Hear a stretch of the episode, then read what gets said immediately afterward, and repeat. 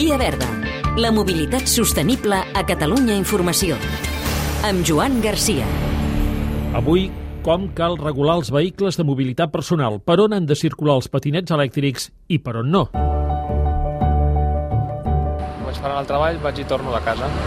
Quilòmetre i mig, més o menys, d'anada i tornada. Veig que vas amb casc. Ara no sé si és obligatori o no, però ara millor anar en casc que per si canvia la llei. I quin avantatge hi trobes? Bueno, és més còmode, és més ràpid i és més higiènic. No contamina i va bé. Representants d'una cinquantena d'ajuntaments catalans han començat a debatre com s'ha de regular l'ús dels vehicles de mobilitat personal. Els vianants, que ocupen doncs, més d'un 40%, entre un 40 i un 60% de la mobilitat interna dels municipis, són els primers que hem de protegir.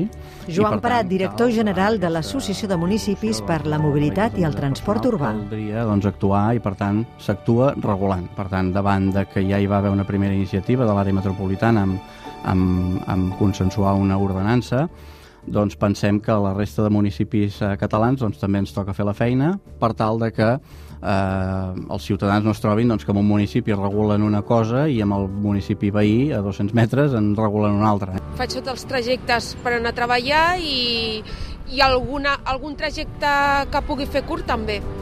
Mer, molt més ràpid que el transport públic. Abans com ho feies? Amb transport públic, amb l'autobús. Per on han de poder anar els patinets elèctrics i per on no? Els vehicles de mobilitat personal elèctrica hauran de circular sempre per carril bici o per calçada. Per tant, en cap cas, a partir dels 12 anys, eh, i, o amb vehicles elèctrics és igual, perquè ja hem establert el mínim de 12 anys, no poden circular per vorera. Doncs jo faig servir el patinet elèctric per anar a entrenament, ja que em queda 10 minuts, i així no haig d'esperar el transport públic que arribi o gastar viatges. Fas servir casc? No. El casc ha de ser sempre obligatori a totes edats. Des de l'AMTO apostem perquè les assegurances d'aquests vehicles també siguin obligatòries, que els vianants, sobretot, doncs, tinguin una protecció, eh, una seguretat, doncs, amb que eh, tot vehicle, bicicletes, patinets elèctrics, mm, vehicles, eh, tot eh, artilugi, doncs, disposi d'una assegurança de responsabilitat civil per danys a tercers. I els patinets sense motor? La Direcció General de Trànsit els considera com a joguina. Sí que els pot fer servir tothom per la vorera, limitant la velocitat a la del vianant, però només els més grans de 12 anys el poden fer córrer en un carril bici a la calçada perquè es considera que cal tenir uns mínims coneixements de les normes de circulació.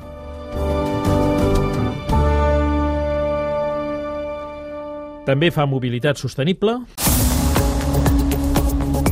L'àrea metropolitana amb la T verda. Aquesta targeta ambiental ha retirat de la circulació 6.800 vehicles contaminants els últims dos anys.